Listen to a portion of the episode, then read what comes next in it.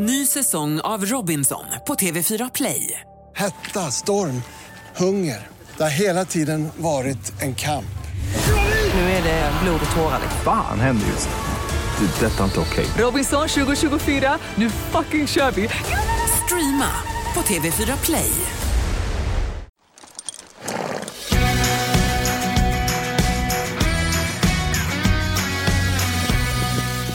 Hej Rebecka! Hej Gry! Hej du som lyssnar på Ridklubben. Välkommen till ännu ett nytt avsnitt. Vi sitter och spelar in det här i min trädgård. Så det kanske blåser lite och kvittrar lite och låter lite. Det känns mysigt att sitta utomhus och podda. Är Vi provar så får vi se hur det går. Verkligen. Eh, hur går det för dig med Robocop-benet? Eh, jo, men det går bra. Jag sitter i väldigt smutsiga strumpor. Vi har precis flyttat upp Fölis och Kalessi från Skåne Ja! till Mariefred. Så nu bor de lite närmare så vi kan hälsa på dem. Men med Robocop-benet så går det ganska bra. Ja. Knät är inte helt förstört. Jag behöver inte operera nu nu. Men jag ska träffa läkaren den åttonde. Så får vi se vad hon säger. Det var i förra avsnittet så berättade att du hade gjort en ofrivillig avsittning och landat och dragit kanske till andra korsbandet. Då, då. Nej, det klarade sig som Ja, tur var. bra. Så det är bara det inre ledbandet som är uttänt och eh, menisken är lite trasig men den ligger Förstått. bra till så att det, det är inte katastrof så det är skönt. Så Nej. jag ska prova rida lite för det börjar kännas bra och det börjar kännas starkt. Jag kör lite rehab liksom. Ja, bra. Ska prova rida kontrollerat. Och nu har som sagt eh, din unga häst Khaleesi och hennes föl som ska heta... Kingston. Det blir någonting. Jag har inte bestämt mig vilken form än, men någonting med Kingston. Ja, de har Han kommit upp från Skåne Kingston. till Mariefred som ligger mindre än en timme bort. Så vi var där och ja, så hejsan svejsan och släppte ut dem tillsammans med kompisarna i hagen. Så himla mysigt. Ah, han är så fin, Gry. Alltså, gud. Det är farligt det här när man vill att det ska bli bra. Tänk om det händer något dåligt på vägen. Ja, men man måste Ja. prova. jag vet. Jag Ja. vet. Och I övrigt så går hästarna lite på lågvarv. De går lite på bete och får gå runt och lufsa lite. Ja, men det har varit midsommar och då fick de vila lite för vi var ute i skärgården lite båda två. Och nu när jag gjort illa knät så passar det ganska bra för dem en liten en mikropaus här innan sommaren. Liksom. Verkligen. Ja. Vi ska, innan vi släpper lös dagens intervju, eller vad man säger. Det är inte så mycket intervju, det är mer samtal kanske. Ja, ett mysigt samtal. Ja, verkligen. Så ska vi tacka Jackson så himla mycket. Vi älskar att vi får samarbeta med Jackson. Och jag rekommenderar dig som lyssnar att gå in på deras hemsida, jackson.se. Man kan kolla, man kan följa också hashtaggen ehm, I wear Jackson. Precis, för det finns så mycket fina kläder. Det finns så mycket fina... Nu när vi lastade ut Kalise ur eh, bilen så hade hon sin fina bruna lädergrimma på Ja. sig. Jag vet att vi har pratat om dem tidigare, men jag tycker de är så fina. Jättefina. Och så går man runt. Vi har precis köpt hem ett coolertäcke som jag går runt och så här, Ja. väntar på att få använda. när vi ska åka till Gotland sen, då Exakt. kommer det komma till användning. Åh, vi ska till Gotland. Vi ska till Sylves gård på Gotland. Det ska vi berätta om i framtida, inom kort. Ja, vi kanske kan podda med honom när vi är där. Ja, Det vore roligt. Han och Ian har ju öppnat, äh, dragit igång sin gård med bed and breakfast och kurser och Ja. allting. Så att vi ska åka dit och det ska bli så himla härligt. Ja, Också lite läskigt att åka båt i så många timmar med hästarna. Hur gör man? Tänk om det händer något. Hjälp! Och Robocop-benet. Och. Robocop-benet. Jag Ja. sa det. Du kanske, det kanske blir du som får rida. Så kommer jag på i bilen att det kanske blir Nicky som rider. Precis, jag borstar. Ja. Ja. Nej, men tack snälla Jackson för att ni är med och, och supportar den här lilla verksamheten. Det är vi jätteglada för. Verkligen. Ja. Super, superglada. Dagens avsnitt då, då åker vi till Ågesta gård som vi har varit på förut. Har vi pratat med Christian och Ja. vi har pratat med ehm, Lina Dahl. Lina Dolk där. Mm. Och eh, Nicke har ju gått på ridskola där och jag också för den delen. Vincent också. Ja.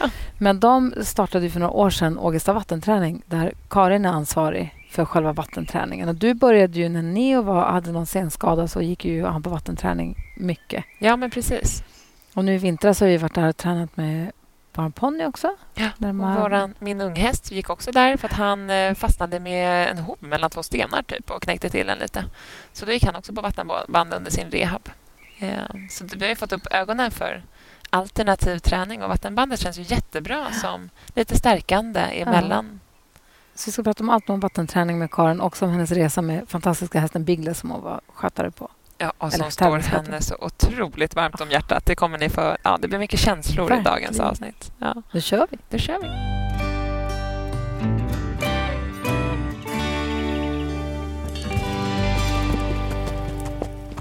Då har vi slagit oss ner vid ett konferensbord på Ågesta gård och ridskola strax söder om Stockholm som ägs och drivs av familjen von Krusenstjerna. Du får rätta om jag har fel sen säger jag till vår gäst som heter Karin som vi sitter med här. Hej! Hej. Hur är läget? Jo, det är bra. Bra. Visst är det så att gården som vi är på nu den drivs och ägs av familjen Krusenstjerna sedan länge, eller? Von Krusenstjerna, säger man. Ja, det gör den. Jag vet inte exakt vilket år. Nej. Eh, Men det var ju Christian då, Krusenstjerna. Eh, hans pappa är ju uppvuxen här. Just det. Så är det, ja. Och nu så är det han och hans fru Linda som driver det och sen så är det Christians mamma som har hand om kafeterian och Christians syrra som har hand om ridskolan. Det är som en familjegård. Och verkligen. jag ska säga att det är fortfarande hans mamma som äger det. Aha. Det är dömysigt, tycker jag. Och du jobbar här. Hur länge har du jobbat för Christian? 11 år. Jag började 2010 Som... som eh, tävlingshästskötare eh, till Christian. Och det började med att vi åkte till Sunshine Tour till Spanien. Eh, Började med det? Ja, för då hade jag inte börjat hos honom. Men hans hästskötare hade slutat strax innan han skulle åka med två hästar till Sunshine Tour och var borta en månad. och Det är fyra dagars resa och 16 starter på tre veckor. och sådär. Så han behövde en hästskötare. Ja. eh, och Då visste han att jag inte hade heltidsjobb och att jag behövde mera. Mm. Och Då ringde han och frågade om jag kunde tänka mig att åka med. Har du något att göra närmsta månaden? Ja. Locka till solen. Ja. Nej, tack. Eh, så då, ja, då lånades jag ut så att säga av Ja. Helena som jag jobbade hos då eh, till honom en månad. Och när vi var på väg hem så kom vi fram till att det var mycket bättre att jag fortsatte jobba här. Med ett jäkla stålbad och umgås så där tajt så tidigt. Ja, men också ganska bra tror jag för vi lärde känna varann och fick ju möjlighet att testa varann liksom på alla nu bod, jag bodde ju i lastbilen och han bodde i en lägenhet som de hade hyrt. och så där. Så att det var inte så att vi umgicks 24 timmar om dygnet. Men det var ju ändå... Ja, vi gjorde ju det under resorna och sen eh, medan vi var där så... Ja, det är klart det är mycket och det är tävling på en gång. Det blir liksom inte en Verkligen månad hemma. skarpt Och, läge, känner jag. Liksom. Ja, och lite sådär. Jag kom hit tre dagar innan. Det var 25 minusgrader och jag hade packat för Spanien. eh, och så ska man packa åt två hästar och en ryttare som man aldrig har jobbat åt. Och det är klart att vi hjälptes åt och pratade mycket och sådär. Men det var ändå lite nervöst att se om man hade med sig allt som Christian tyckte att man skulle ha med sig. Svettigt att packa åt sig själv bara. Och nu jobbar du i stallet. Om du är skötare, tävlingsskötare eller inte, det är lite oklart med tanke på att det är hela tävlingssäsongen. Man vet inte hur det är med dig just nu när vi ses. Eh, Men du är också ansvarig för vattenträningen här på Ågesta och det är den vi vill prata om. Men först, det är härligt att prata om de här 11 åren ju, men också så här, hur, när, hur gammal var du när du började rida? Vad kommer vad är din ridbakgrund? Jag kommer från ridskola. Eh, Jag är uppvuxen i en familj som inte har något särskilt hästintresse, så, i alla fall inte mina föräldrar. och så där. Eh, Jag började rida på ridskolan när jag var tio. Då hade jag, när jag var två, tre år då övade jag att galoppera för jag skulle bli häst. Jaha. Och fråga mig inte var det kom ifrån, men sen insåg jag väl att det inte gick. Alltså galoppera på alla fyra? Nej, jag tror jag Ja. Ja, ja, när man var i två, tre år tror jag det räckte med, ja. med två ben och Ja. försöka få ihop. Men, och sen fick jag börja rida när jag var tio, för det var ganska lång kö på ridskolan. När övergav du dina drömmar om att bli häst? Någonstans mellan tre och tio. Jag kan inte svara på riktigt när. Eh, men, och sen var jag faktiskt väldigt rädd när jag började rida på ridskola. Just det, det vi pratat lite Eh, grann om. Du tyckte ja. det var döläskigt, men hade bestämt dig. Det där tror jag man känner igen. Det där känner jag igen från när jag gick på ridskola också. Att jag hade en period jag också var jätterädd. Man hade ont i magen innan och man ville men man vågade inte. Men för dig var det nästan panik. Alltså jag grät varje... Jag red på lördagar och jag grät varje lördag innan vi åkte till stallet och stod liksom och bytte om och så här... "Åh, Jag måste rida Vad sa idag. dina föräldrar? De sa nog inte så jättemycket. Eh, och det var Ja, min men du syster- behöver inte om du inte vill, eller? Nej, det behövde jag ju inte. Nej. Min syster red ju, Ja. så det var alltid hon och jag som gick till stallet själva. Vi bod- bodde ganska nära. Eh, så att det var alltid hon som följde med. Mina föräldrar hade redan tröttnat på att följa med till stallet för att min syster hade ridit i fyra år på någon långsam häst som alltid stannade i ett hörn och sådär. Eh, men och sen, och då var jag jätterädd ett tag. Och jag var alltid tvungen att ha samma ponny, en liten B-ponny som heter Polly. Och min systers kompis var alltid tvungen att leda, annars vågade jag inte rida. Och så stod jag ändå i mitten när det var galopp. Och sen Kan, ringde... ni, paus, Karin. kan inte du bara lyfta upp din mick lite? Så den hamnar snett ovanför. Sådär, ja. Vi provar så. Så. Ja. Och så, och så ringde... Nej, sen ringde ridskolechefen hem till mamma och pappa och frågade tyckte väl inte kanske att vi utnyttjade tiden så bra och att det kanske var onödigt att jag red i den gruppen jag gjorde. Att vi kanske skulle byta till en ren nybörjargrupp igen så att, jag, så att det blev bättre för mig. Och då sa jag blankt nej. Jag tänker inte byta till en nybörjargrupp igen. Och sen så på något sätt, jag vet inte om det var det som gjorde det, men då så småningom blev det mycket bättre. Jag vet inte om jag liksom skärpte mig för att jag insåg att jag kommer bli nedflyttad om jag inte, om jag inte skärper till, till mig. Men, och jag tror kanske att de, mina ridlärare då hade ju kanske inte räknat med att det var jag som skulle börja jobba med hästar i framtiden. Men man känner igen den där rid, ridlektionspaniken. Eller Du jobbar ju också som ridlärare, Rebecka. Ja, alltså verkligen. Dels själv känner man igen det. Jag också, kan fortfarande känna att jag är nervös eller lite rädd ibland om man rider på någon häst som kanske har dragit en brall eller att det har hänt saker. Men jag har ju också haft elever som är lite... Och att det går i vågor. Och Då försöker man ju så lugna föräldrarna att så här, vi gör ingen grej av det här utan hon kan skritta på mitten medan de andra galopperar och sen kommer det släppa efter ett tag. Man får inte ha så hög press på dem. Och oftast, en del räcker det att de vill bara känna sig att de är en del i gruppen. Mm. Så, och därför tycker jag det är lite taskigt att så här flytta ner någon så, alltså om man inte känner att de inte hämmar resten av gruppen. Men sen det går ju vågor och sen när man kommer upp i tonåren kanske blir lite äldre. Det händer ju så mycket annat i livet. Mm. Liksom. Så jag tror man får ge dem lite tid. Och Sen kan det vara bra ibland att byta grupp bara för att eh, man kanske får liksom lite draghjälp av nya kompisar ibland. Liksom. Ja, och jag tror att jag kanske hade hållit på så här i ett halvår innan ridskolechefen ringde och ville frågade bara. Ja. Om, Men sen blev det ridläger och sen så utbildade du dig vidare och sen så jobbar du heltid nu med hästar sen länge. Ja, ja, jag började ju åka på ridläger och jobba på ridläger mycket. Och, eh, och sen jobba även på ridskolan så småningom hemma då. Eh, I Katrineholm. nej, i Stockholm, Ja, i Bromma, okej. eh, Äppelvikens ridskola. Varför satte jag dig i Katrineholm? Därför att nybygget ligger i Katrineholm Aha. och jag, jag var ju mycket där. Det var ju där jag åkte på ridläger och sen har jag ju bott mycket i Katrineholm och Flen och sådär också. Och direkt efter gymnasiet började jag jobba på ridskola i Flen. Eh, och sen började jag i dressyrstall i närheten av Flen och ja, jag höll till mycket i de trakterna ganska länge. Sen har du jobbat som tävlingshästskötare åt Christian Krusenstierna då, när han har tävlat dressyr i, eh, i 11 år. Om man inte riktigt har koll på vad, vad en hästskötare gör, om man jobbar som hästskötare, det är inte det att man ryktar hästarna. Inte bara i alla fall. Nej, utan vad är det med, vad, är, vad fick någon här, aha, aha, det är det här det går ut? Eller vad är det som... Eh, menar du, du menar vad man gör? Ja, liksom? vad har man för ansvar? Vad gör man? Vilka delar har man ansvar för? Alltså dels är det ju det vanliga jobbet hemma i stallet. Mocka, fodra, ta in och ut hästar ur hagen, leda, allt sånt. Och sen är det ju mycket göra ordning hästar före och efter ridning till Christian när han ska rida. Ibland kan det också vara att jag kanske tömkör någon häst eller sådär. Eh, och sen åka på tävling. Eh, vilket jag har tyckt hela tiden är det allra roligaste. Och jag tog ju lastbilskort också så efter det så har jag ju kört, har det också ingått att jag kör hästarna till och från tävlingarna eh, runt om i Europa och sådär. Så att, eh, och sen hela liksom ansvaret för att hästarna mår bra och ser fina ut och, men framför allt då att de mår bra och har eh, så bra förutsättningar som möjligt för att kunna jobba bra och prestera bra på tävling.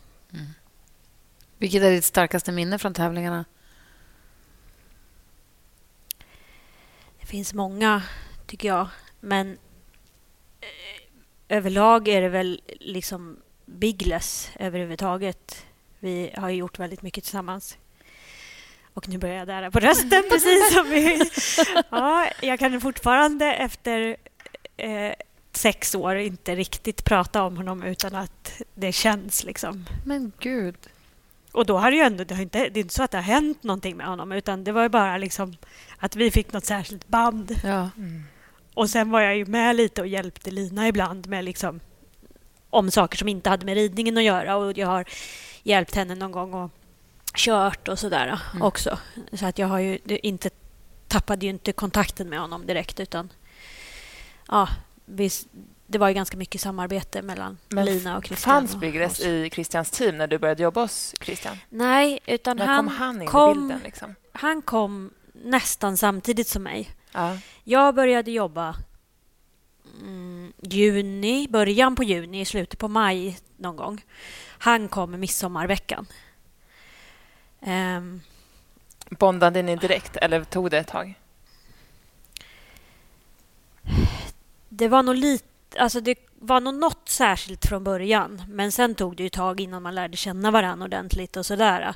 Men jag tror att jag hade nog lite grann känslan från början av att det här är liksom min häst. Ja. Eller min, mitt ansvar. Liksom. Ja. Han har kommit nu när jag började. Ingen annan hos Christian som har haft hand om honom. Men jobbigt ansvar också, eller? Kändes det aldrig liksom som att det var för tungt på axlarna? Liksom? Eller kände du hela tiden att så här, det här är kul och det här kan jag göra bra, det vet jag? Liksom? Nej, det är klart att man ganska ofta har jag ju varit liksom osäker och man vill ju göra ännu bättre. Och han har ju varit skadad några gånger och lite sådär. Och då är det klart att man alltid frågar sig själv, kunde jag ha gjort något annat? Varför blev det så här? Och vad kan jag göra nu då? Hur, ja, man önskar att man kunde göra ännu mera när det inte går riktigt så som man har tänkt sig. Eh, jag är nog ganska bra på att eh, tro att det är mitt fel. Det är inte alltid det, Nej. som tur var. Hur gjorde du då? Pratade du med Christian om det? Eller hur kom du liksom Jag tänker att det kanske är folk som lyssnar på oss som kanske vill bli hästskötare eller kanske är hästskötare. Och jag kan tänka mig att man kanske tar åt sig lite av skuld om det händer något. Liksom. Ja, men man pratar ju alltid igenom egentligen. Hur, eller i alla fall har jag och Christian gjort det. Att hur blev det? Varför uppkom den här skadan? Eller hur, varför hände det här? Vad kan vi ändra? Vad kan vi... Ja, man analyserar igenom det hela. Och då...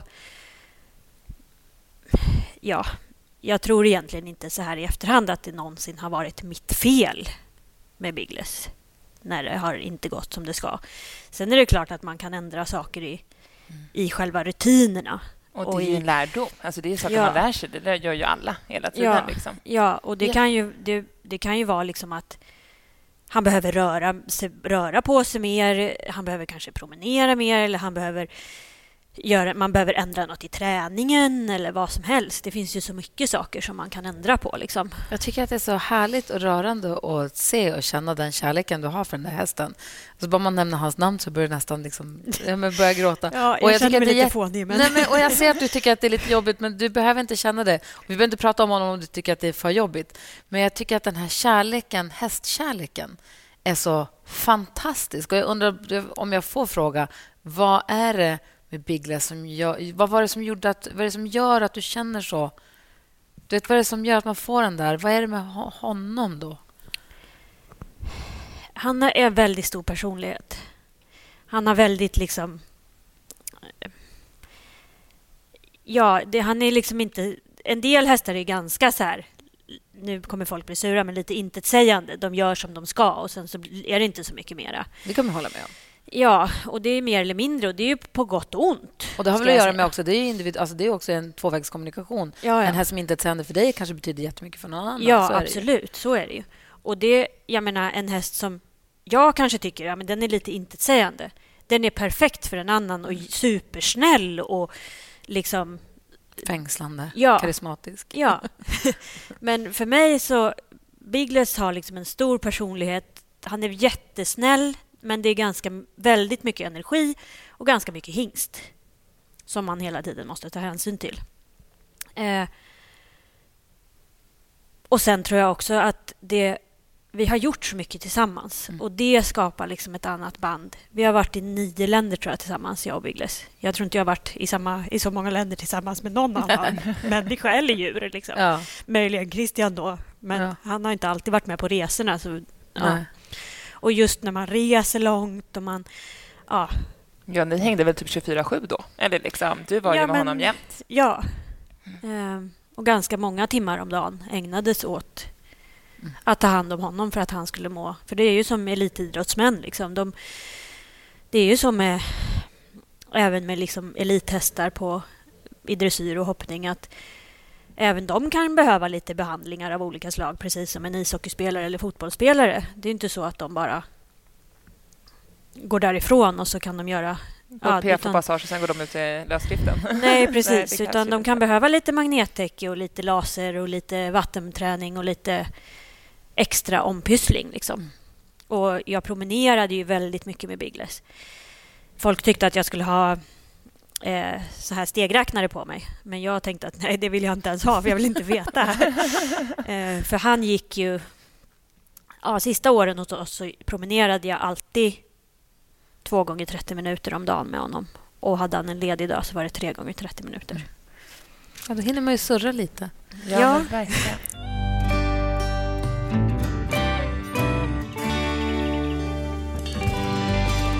Detta får mig då in på vad anledningen varför vi egentligen bokade tid för att träffa dig. Det är det här med vattenträning som ju också är en avsutten träning för hästen som du, är ansvarig för här. Och Rebecka, du började åka hit med stora hästarna för flera år sedan. Jag åker hit med, med Nickis ponny också på vattenträning. Gjort det en gång i veckan nu här under ganska lång tid. Eh, och jag tycker det verkar vara ett super... Men jag har ingen aning. Jag tycker bara att det känns som att det är superbra. Eh, Men framförallt när, när Neo var skadad så var det ju ett jättebra sätt för honom att få eh, röra på sig och använda musklerna även om man inte kunde sitta på honom. Ju. Ja, men precis. Neo fick en senskada där för några år sedan. Och det, vi fick ju sitta på honom, men han var ju ett svart stort monster. så det var ingen som ville. så jag tänkte så här, okej, hur ska jag göra för att få ut hans energi? Och han får liksom inte galoppera, han får inte bralla. Han får, det var ju lätt. Det var ju typ gå i stallgången. Det var det som gick att göra för att kanske hålla honom på mattan. Men och då var det några som tipsade mig om vattenträning. Och det var ju så det började, att jag åkte hit med honom just för att han... Men är det mest rehab? Både och. Ja. Det är mycket av bägge. Det är både rehabhästar och sen såna som vill göra det som lite omväxling eller för att bygga mer muskler på ett skonsamt sätt trots att de rider och tävlar och sådär. Och sen har jag faktiskt också en del som de vill gärna komma dagen innan tävling för hästen är mycket bättre när den har vattentränat dagen efter. Och det ska jag säga, det gäller inte alla, men det är allt ifrån såna som måste skritta dagen efter för att de får lite träningsverk till såna som ringer och jag måste få komma imorgon för jag ska tävla i övermorgon. Sådär. Eh, för då är hästen Fascinerande hur det ändå kan ge så olika... Och om man ska beskriva, om det är någon som lyssnar nu som inte riktigt vet vad det är vi pratar om vattenträning. Vill bara, bara för, går det att förklara lite snabbt? Mm. Hästen går ju på ett löpband egentligen eh, i en bassäng. Och sen så tappar man upp vatten i det. Och så kan man bestämma höjd och hur fort hästen ska gå och sådär. Ja, de går ju typ in i en plåtlåda. Liksom. Ja, Man öppnar ju bak Som en och smal fram. container utan Exakt, tak. som man Mm. går in i. och sen så Första gångerna då får man ju gå igenom några gånger, de får lite godis så att de ska tycka att det där är... Men varje gång jag har varit här så har det gått jättebra. För först Ja. tänker man så här, men gud, ska hästarna in i det här? Men det tycker jag man tänker ibland när man ska lasta dem också, att det är helt sjukt att Ja. hästarna ens går in i det här. Ja, och sen så, kommer, så går de på det här bandet och sen kommer det ju upp vatten underifrån. Liksom. Ja. Och så höjer man. ja. Men det är där- ju fascinerande ändå att hästarna... Typ som Neo, han hoppar ju över vattenpölarna när han är ute och rider. Men han tycker att det är toppen att vara vattentränad. Liksom. Ja, och där tror jag, jag har många kunder som, är, som kommer och säger att ja, men, jag undrar, jag vet inte hur det här ska gå. Han vågar inte gå i vattenpölarna ens när vi är ute och rider. Men det där tror jag är väldigt olika saker. För att när den är rädd för vattenpölen, då tror inte jag att de är rädda för att gå i vattenpölen. Utan de är rädda för att det blänker konstigt på marken. Men när vattnet kommer upp i vattenbandet, då hinner de inte se att det blänker innan vattnet kommer. Och då vet de redan att det är vatten. Och så står du och kikar och fyller på hur, högt, hur djup, alltså hur hög vattennivån ska vara. Ja. Så det är olika för olika. Man får lite högre och högre för varje gång tills de har vant sig lite och tränat sig lite och sen så får du avgöra lite grann. Men vad är, om man har en frisk häst, vad är det då bra för? För att sätta muskler överhuvudtaget och framför allt överlinjen och de muskler som den använder för att kunna samla sig eh, tränas ju upp väldigt bra på vattenbandet. Men det är egentligen nästan hela kroppen som tränas. Både mag och ryggmuskler, lår, eh, bogar, runt manken brukar de sätta muskler. Och sen tränar man också framsidan av benen, så sträck, där sträcksenorna går. Eh, och det är egentligen enda sättet som man kan träna det på på annat vis är att pulsa i djupsnö. Mm. Och det är inte så ofta här i Stockholmstrakten som vi har lagom mängd lössnö och pulsa i med ett bra underlag under som vi kan gå med hästarna i. Så det är, och det gör ju också om man tränar upp dem så, så hjälper det även liksom sträcksenor och sådär. Och det är det också som gör att det är så bra alltså om man har till exempel en senskada på hästen som på Neo då till exempel. Då kan de ju träna långt innan man kan börja rida dem. Och då kan man liksom också bygga muskler så att de har alla muskler de behöver när man väl kan sitta upp och sådär. Ja, och så kan jag tänka mig att om man stärker alla muskler runt omkring då stabiliserar man ju senan också. Att den Ja. får hjälp. För Ja. Neo han höll sig ju inte så still som vi hade velat under igångsättning utan det brallades på ganska fint. Och efter ett tag kände jag så här, fast vad ska jag göra? Alltså det går ju inte. Nej, det, man kan ju göra vissa saker för att hålla dem stilla men de är ju djur så vi kan ju Exakt. inte vi kan ju inte bara lägga dem i en säng Nej, men tills de är friska. Nej, men exakt. Och Neo har ju hållit jättefint. Peppar, peppar. Jag vågar knappt säga det högt. Men då, då tänker jag att det måste varit bra för liksom kringmuskler och att vi kanske ändå vi har gett honom lite stabilitet kring den här senan som då har hjälpt honom när han har varit lite yvig, så att säga. Ja. ja, och det är ju också så att får man en, en skada på en häst och den blir stående eller bara liksom lugnt jobbar, skrittas och sådär, då är det alltid lättare att det blir följdskador på det för att de kommer ur, ur form och tappar muskler och sådär. Och då har de inte tillräckligt med muskler, då kan de inte hålla emot när det väl blir något felsteg eller sådär. Och det kan de ju göra då om man har vattentränat dem ordentligt så att de är starka. Då kan de fortfarande hålla emot även om de inte har fått göra så mycket annat under tiden. Liksom. Och även för äldre hästar att hålla kroppen igång. För det är lätt när man blir äldre och man blir stilla, stillastående. Liksom, att, ja, då, då tappas liksom mycket mera. Och då kan man hålla igång dem genom vattenträning. För vi åker hit med Harmonia och det är, hon är inte skadad, peppar peppar heller, utan det är bara för att ja, men kompletterings... Som ett komplement till... Det blir också en vilodag. Hon blir inte riden den dagen. Så det blir en vilodag, ingen ryttare i alla fall. Men så händer det åtminstone att vi åker hit med bussen och sen så att hon får liksom göra någonting, någonting annat. Ja. Men sen vet jag många, en del kompisar som kanske ger hästarna två veckors eh, vila på sommaren eller vintern eller ja, när de kanske ska resa bort eller så. Då passar de på att köra vattenträning både före och efter. ja. Hur mycket kan man vattenträna? Man kan egentligen vattenträna... Man får ju titta lite på hur hästarna går, men generellt sett kan man säga att de kan vattenträna tre dagar i rad. Sen behöver de en dag vila. Sen måste man ju anpassa träningen efter. Det är ju skillnad på en häst som är, går Grand Prix och är i full form, som jag kom, får till vattenträning. Eller om det är en som har haft boxvila i ett halvår. Då är det klart att jag får... Men då kan man ju... Antingen kanske jag får köra lite mera med någon dag emellan kanske. Eller så kan jag, om ändå ägaren vill att den ska gå tre dagar i rad, vilket är bra ändå, då får jag ju bara lägga det på en lite lägre nivå och se hur den går. Och jag, får ju hela, jag står ju vid bandet hela tiden och tittar. Hur uppför de sig? Vad gör den? Hur ser det ut? Hur tungt ser det ut för den? Och sådär. Precis, för du ställer inte in den där och går iväg och tar en kaffe utan du, du står där alltid. Ju. Ja, jag håller hela tiden koll på dem och hela tiden liksom, Det finns en del band som har program som man kan ställa in dem på. Ja, men idag ska hästen gå det här programmet och då tömmer den och höjer vattnet själv och sådär. Men jag står ju alltid och tar upp tempot till det jag vill och tar upp vattnet till så långt jag vill och sådär. Ehm, så ja, jag håller ju väldigt mycket koll på dem. Och du tycker egentligen att man ska, om man ska vattenträna att man ska göra det åtminstone några gånger? Att en gång egentligen... Nej, det ger varken... Det, man kommer Nej. inte märka någon skillnad. Det är Nej. lite som om man själv går till gymmet. Ja, En gång. Du, ja, man får bara träningsverk och så var det bra med den saken. ja, precis. Ja. Det, det, du blir inget starkare. Liksom. eh, men så jag, tycker, ju- jag brukar alltid rekommendera att man går minst en gång i veckan med hästarna. För går man mer sällan, om man, en del kommer och så säger de ja men vi kanske kan köra en gång i månaden. Och då tycker jag att det är lite slöseri med pengar för hästägaren. För att det kommer, den kommer inte märka någon skillnad. Eh, och hästen kom, jag kommer inte kunna öka vattnet så mycket. Jag kommer inte kunna liksom, höja lite på träningen. noll varje gång. Liksom. Ja, precis. Och sen är det klart att har jag en häst som har gått en gång i veckan eller två gånger i veckan eller oftare eh, under en längre period och den är borta en månad, då gör inte det så mycket. Då kan man fortsätta på nästan samma nivå. Det är lite olika, men då brukar jag liksom gå som börja på samma nivå av vatten och så bara se om den kanske i vanliga fall går 20 minuter eller 25. Ja, då börjar jag ju titta efter 10 minuter, så här, men ser den trött ut? Nej, men den kan gå lite till. Och så kanske jag får sänka vattnet efter en kvart för att ja, men den har tappat lite grann. Men då är man ju ändå på nästan samma träning som man var. Vi brukar ju komma en gång i veckan här under några veckor. Och Så hoppade vi över en vecka, så det gick två veckor. då var det som att hon hade, då hade Harmonia glömt. Eller du vet, det var som att hon tittade på vattnet så hon glömde att gå. Så hon åkte bak och boinkade in den här kudden bak och var helt liksom, disträ. Hon bara åkte omkring där inne. Inte riktigt så. Men, men lär sig hästarna direkt vad de ska göra? Eller liksom, har det hänt? Det är ju lite olika hur, hur intelligenta de är, höll jag på att säga. Men... det är intelligenshäst också.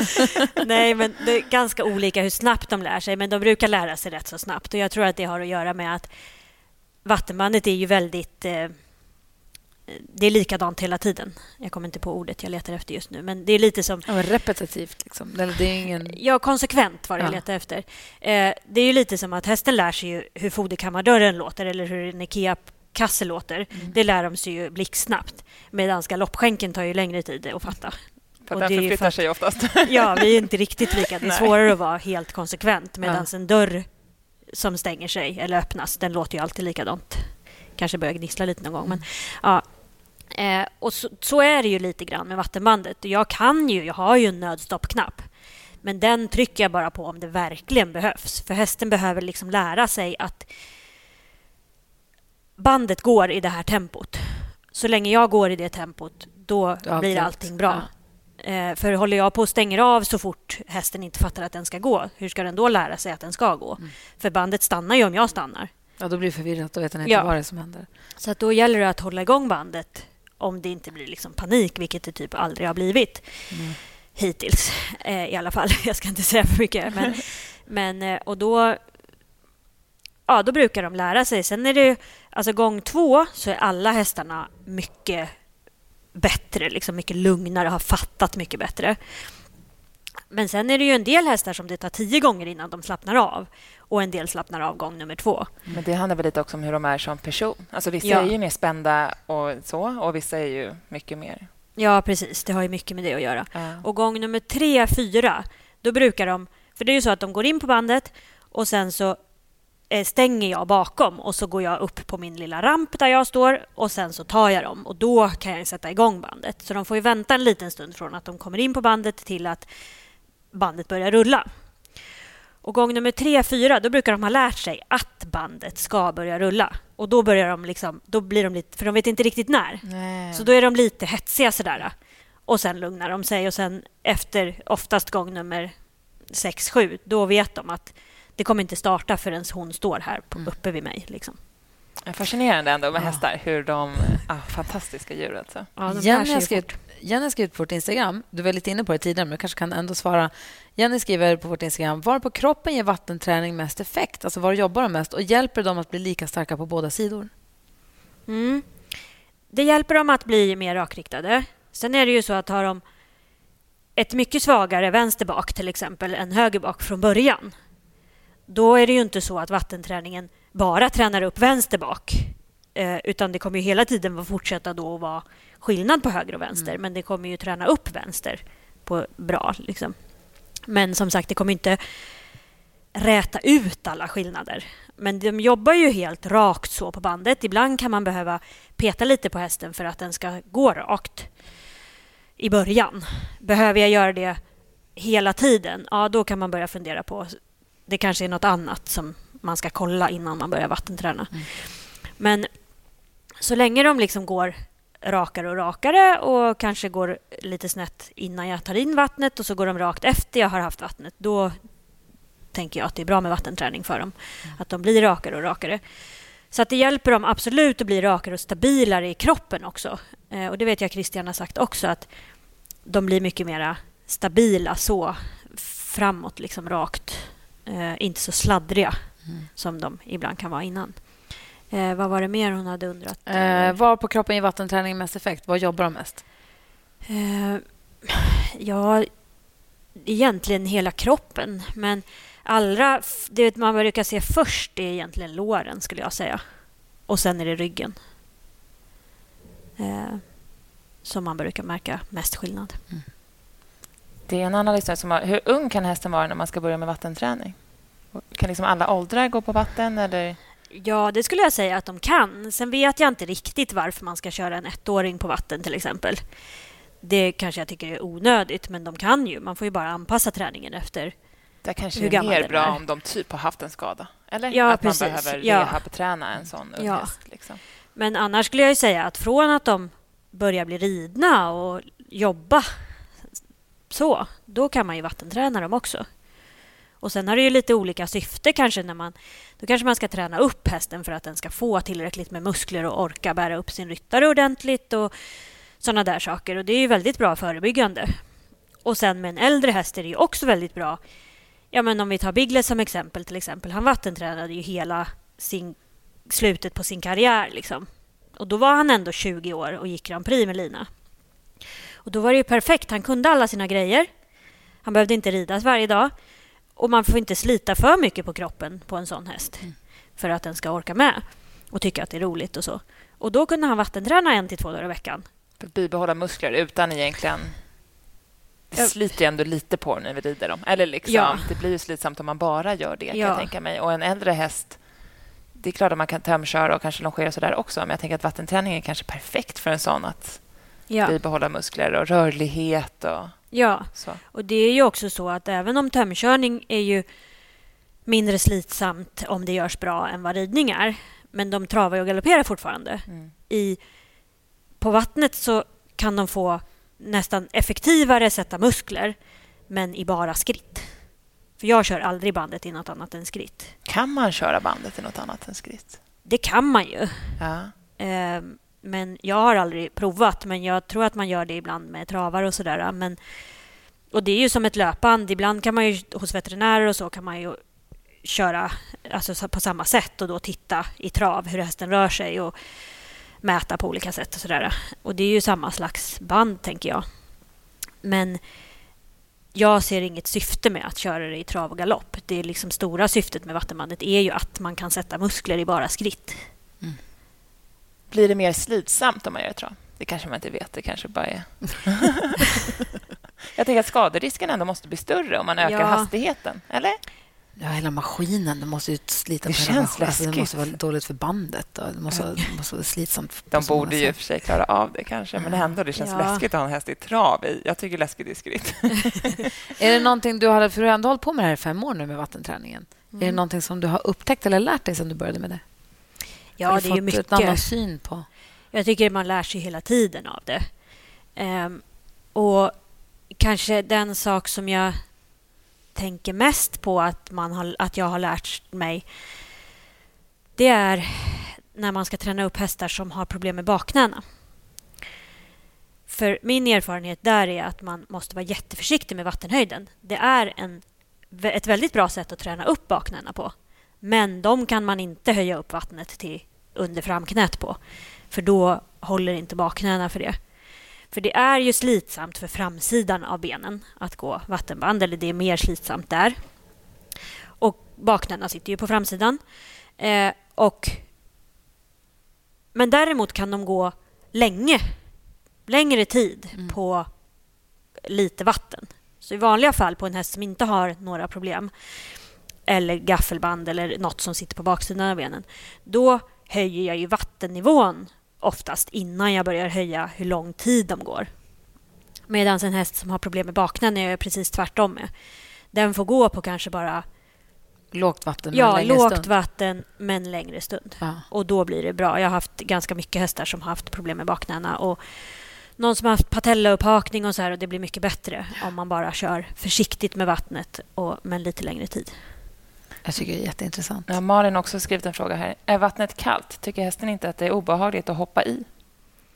Grejen är att hästen får ju aldrig chansen att hoppa i vattnet utan den är ju där. Den kan inte ta vägen så mycket. Det var en i vårt stall som frågade ska ni åka och simma nu när jag sa att jag skulle på vattenträning. Så det är inte riktigt det vi gör. Det ska sägas att det finns ju simbassänger också, men det är inte det vi, Nej, vi har. Liksom. det skulle man vilja åka till någon gång. Alltså man skulle vilja... Man Ah. har ju sett att att de har typ doa eller något sånt där. Du vet, när de går runt och så simmar de med hästarna i turkosavattnet. Det känns ju härligt. Okej, då var lite långt bort då. Jag vet. Men jag vet, jag, vet att, jag vet inte om det började så egentligen med simträningen eller om det bara var jag som såg det första gången. Men det var med den här kallblodstravaren Järvsöfax. Honom har jag för mig att de, han fick simma efter en båt på en sjö. Va? För de hade, då fanns det väl inga i Sverige som hade bassänger, skulle Nej. jag tro. Nu, det här är ju vad jag minns från det och jag är inte jätteinsatt i Järvsöfax. Men att då fick han simma liksom, i sjön. Och han blev ju bra. Han tävlade ju efter det. Men det här Eh, handlar inte om att simma, utan Nej. det handlar om att gå. Men vattnet är väl kallt, va? De, de Ja. har inte så mycket alternativ, utan det är som det är. Och vi har ju, man kan säkert ha tempererat vatten, eller det är klart man kan. Men vi har ju en tank i ett rum bredvid som är ett isolerat rum. Liksom. Men det är ju inte värme på, det är bara på värme så att det inte ska frysa och sådär. Och då blir ju vattnet den temperatur som det är i det rummet. Och jag skulle gissa på att vårt vatten är ungefär 15 grader kanske. Men jag tänker ändå att det är bra för hästarna också. Bättre med kallt vatten än varmt Mm. vatten. Ja, för man kyler ju benen samtidigt. Exakt. Så det, ja, det är ju bättre än att ha varmt vatten. Ja. Och så den stora utmaningen varje gång vi vattentränar, bajshoven. Ja. Jag är ju ansvarig för bajshoven. Va? På de stora hästarna, för de får inte bajsa i vattnet för det blir gojsigt och då kan maskinen, det blir skräpigt för, det, för er att hålla på med sen. Det kan stoppa maskinen, antar jag. Så man ska samla upp bajset. Och Det går väl att hänga på dem någon sån här nätuppsamlare om du tränar dem själv, men när jag kör då är det hoven. Och stora hästar, då är det ändå ganska... Äh, Just det, hur gör du? Hoppar du ner där? Ja, det är så svårt att hämta upp det här. Jag försö- Förra gången gick det bäst hittills, men det är alltså jättesvårt. Jag har börjat fläta upp svansen och vika upp den, för svansen är i vägen. Jag har börjat vika, upp, vika in den liksom, så att Smart. inte den ska vara i vägen. Det är svårt det där. Ja. Men du berättade att du hade en familj som hade en stor disku- de hade middagsdiskussioner om bajshoven. Ja, de, de diskuterade i alla fall mycket medan de stod där och sen hemma i stallet. För jag hade någon annan häst från samma stall. Och så eh, sa de, ja de är tydligen jättedåliga på det där. Och jag började skratta och sa, nej de är inte jättedåliga. Det är bara att de tar det på så väldigt stort allvar. så de hjälptes åt sådär. Alltså när den som höll i hoven eh, kanske tittade någon annanstans än just på anus. Då var det någon annan som var där, nej, nej släpp inte blicken. Det är ändå kul med folk som tar sånt där. Ja, stå hela tiden och titta på svansen. Lyft om svansen nu. Ska, Ja. det är det. Ja, det, Ja, det, det, ja, det, är ju, det är ju en träningssak, men sen missar man ju i alla fall ibland. Så är det ju. Vi har ju rening som tar hand om det. Jo. Men det är ju bra om det blir så lite som möjligt i, i vattnet. Och Det är ju även för, den hästen som, för ens egen häst då, som går där just då. Att Det är inte jättemysigt att gå i bajsvatten. Nej. Eh, För jag kan inte köra reningen. Det blir ju samma vatten som är där Ja. ja, hela passet, så att säga. Men eh, nej, det tas på lite olika stort allvar. Jag tar det på ganska stort allvar. Det, jag med. Alltså man, de dagarna det har gått dåligt, då har man ju lite dåligt samvete. och tänker så här, Jag måste bli bättre på att koncentrera mig. Men att prata samtidigt med Karin och hålla koll på bajset, det är, det är två saker. Det är svårt, även för en kvinna. Det är väl mitt fel, jag pratar för mycket med er.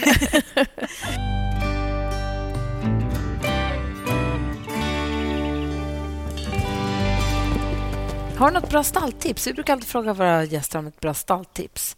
Sen något fiffig lösning Ja, kommer jag på i att du har varit hästskötare också, rätt runt i hela världen, höll jag på att säga. Men Har du något stalltips du kan dela med dig av? Börja vattenträna. Nej, men, eh, ja, bra fråga. Nu har jag ju mest stått vid vattenbandet de senaste åren. Så nu har jag liksom tappat bort mina bra stalltips lite grann. du kanske har några bra stalltips där, när Men- broddarna ska av eller på? Eller... Ett, ett stalltips som jag kan ge. Jag är ju mycket för att vara ute och gå och leda hästarna. För att de ska hålla sig friska framför allt. Och gå med dem i tempo. De får inte bestämma liksom själva att de ska vara ute och såsa en halvtimme om ni ska gå. Typ Neo? Utan, utan få dem att gå framåt. De ska liksom spatsera på. De får inte gå och såsa, för då hjälper det inte så mycket. Men de ska gå powerwalk. Liksom. Går du då bredvid deras framben i takt med frambenen eller går du lite framför? Eller vart placerar du dig? Jag vill gå precis framför bogen på dem. Ja. Så jag har huvudet framför mig och bogen bakom. Mm. Eh, en del vill ju att hästen ska gå bakom dem helt för Mm. att de inte ska kunna sticka iväg. Liksom så. Då Men det tycker jag... Nej, precis. Och det tycker jag är farligt. För Och att då då kan de ju de ta... Ja, och då kan de också ta vägen över mig Ja. om de blir rädda. Och då blir jag nedtrampad och det har jag ingen lust med. Ehm, så det är väl... Och träna också att stanna och eh, sätta igång. De ska, hästen ska stanna när jag stannar. Jag vill att den ska vara... Då ska den inte ha gått fram med bogen till en halv meter framför mig. Då måste jag liksom lära den att den ska stanna precis när jag stannar. Och då får jag också hästen att koncentrera sig på mig. då hinner den inte bli rädd för allt möjligt runt omkring för att den är med mig. Och det där, inte minst, fick jag mycket träning med det med Biggles. För att han var ju lätt koncentrerad på ston och annat om jag inte hade honom med mig. Liksom. Men då om hästen går i hagen några timmar och sen så ska den ridas också en gång och sen Mm. så ska du gå ut över det. När placerar du promenaden då? Så långt ifrån ridpasset som möjligt då eller har du någon... Jag skulle säga att det bästa är ju att få det så utspritt som möjligt Ja. så hästen får så kort tid som möjligt och den bara står i boxen. Mm. Men sen beror det också på vad hästen gör i hagen. En del hästar springer runt och rör sig i hagen. En del hästar står bara stilla. Och, De flesta står ju och hänger. ja, och det är det också som jag vill liksom trycka på kanske att många säger att min häst är i hagen hela dagen, den behöver inte gå. Men den står ju still i kanske åtta timmar i hagen oftast, eller tar någon liten sväng, men inte så mycket rörelse. Och då behöver de gå i alla fall. Men jag skulle nog säga att egentligen spelar det inte jättestor roll när jag gör det, bara jag gör det. Det är bättre att jag gör det någon gång än att jag inte gör det. Jag tror aldrig vi är riktigt ute och går med... med... Ja, nej, det ska jag bli bättre på. Och man, jag ska säga man har ju också nytta av det när man väl sitter på, för lyder hästen när jag leder den, Mm. då kommer den ha större förtroende för en när man sitter på och också veta att okej, men jag måste göra som hon vill när jag går bredvid. Då gör jag det. Då är det liksom, om jag låter hästen göra precis vad den vill när jag går med den till och från hagen och när jag är ute och promenerar. Ja, varför ska den då göra som jag vill när jag sitter på? Det håller jag med om. Men jag har också en fråga. När du är ute och leder hästen, jag upplever att det är väldigt lätt att få hästen att stanna och vara med mig när det är ho, eller liksom att vi ska stanna eller sakta av eller så. Men att få dem att gå fram, det är ju mycket svårare tycker jag, att då få dem att marschera på och gå. Det blir ju lätt att de hamnar lite bakom en, att man måste försöka få fram dem. Har du något tips Ja. på hur jag... Ehm, jag brukar, om jag har en häst som är väldigt, liksom vill lata sig lite bakom mig, då tar jag med mig ett spö. Och så, det brukar räcka med att man bara liksom tar lite. spöet lite mot den. Jag behöver inte alltid ens röra den, liksom, utan bara Markera lite visar att att jag har framåt. det. Sådär. Ja, och ibland kan man behöva peta på dem. Men det är ju aldrig så att jag slår dem för att de ska gå framåt. Utan, men bara liksom peta Man på Förlänga lite. armen lite. Ja, precis. Och Ja. ibland kan det räcka med att man har ett grimskaft som jag liksom daskar till lite med. Så, men att man är noga med det där. För det är många också som just... Och det kanske är för att det är lättare, eller så tränar man mer på att den ska stanna när jag stannar.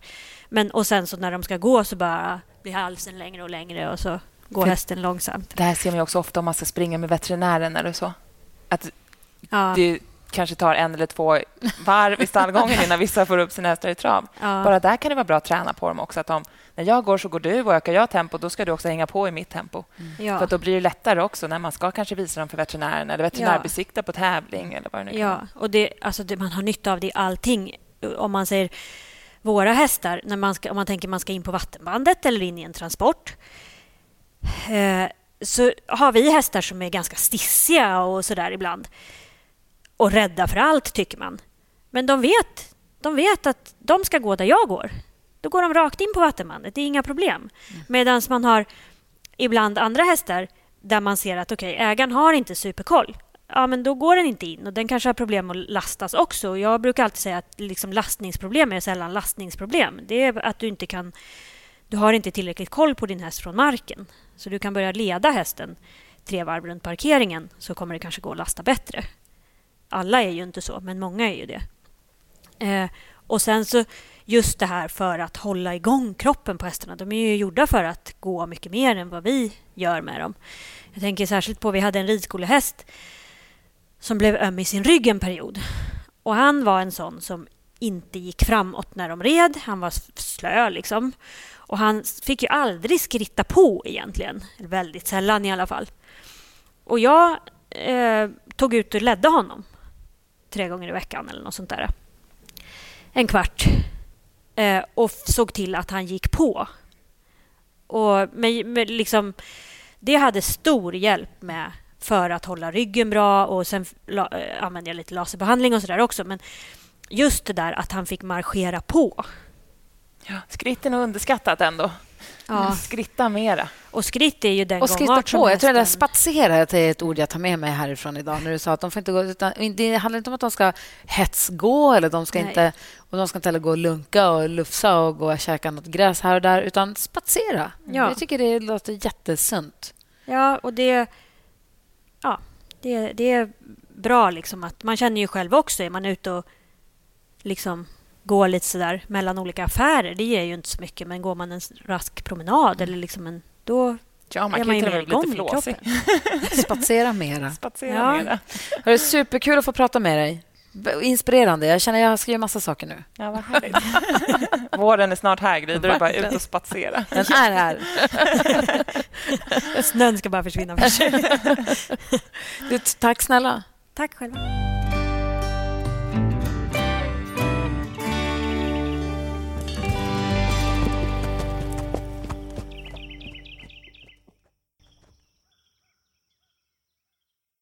Ny säsong av Robinson på TV4 Play. Hetta, storm, hunger. Det har hela tiden varit en kamp. Nu är det blod och tårar. Fan händer just nu. Det. är Detta är inte okej. Robinson 2024, nu fucking kör vi! Streama på TV4 Play.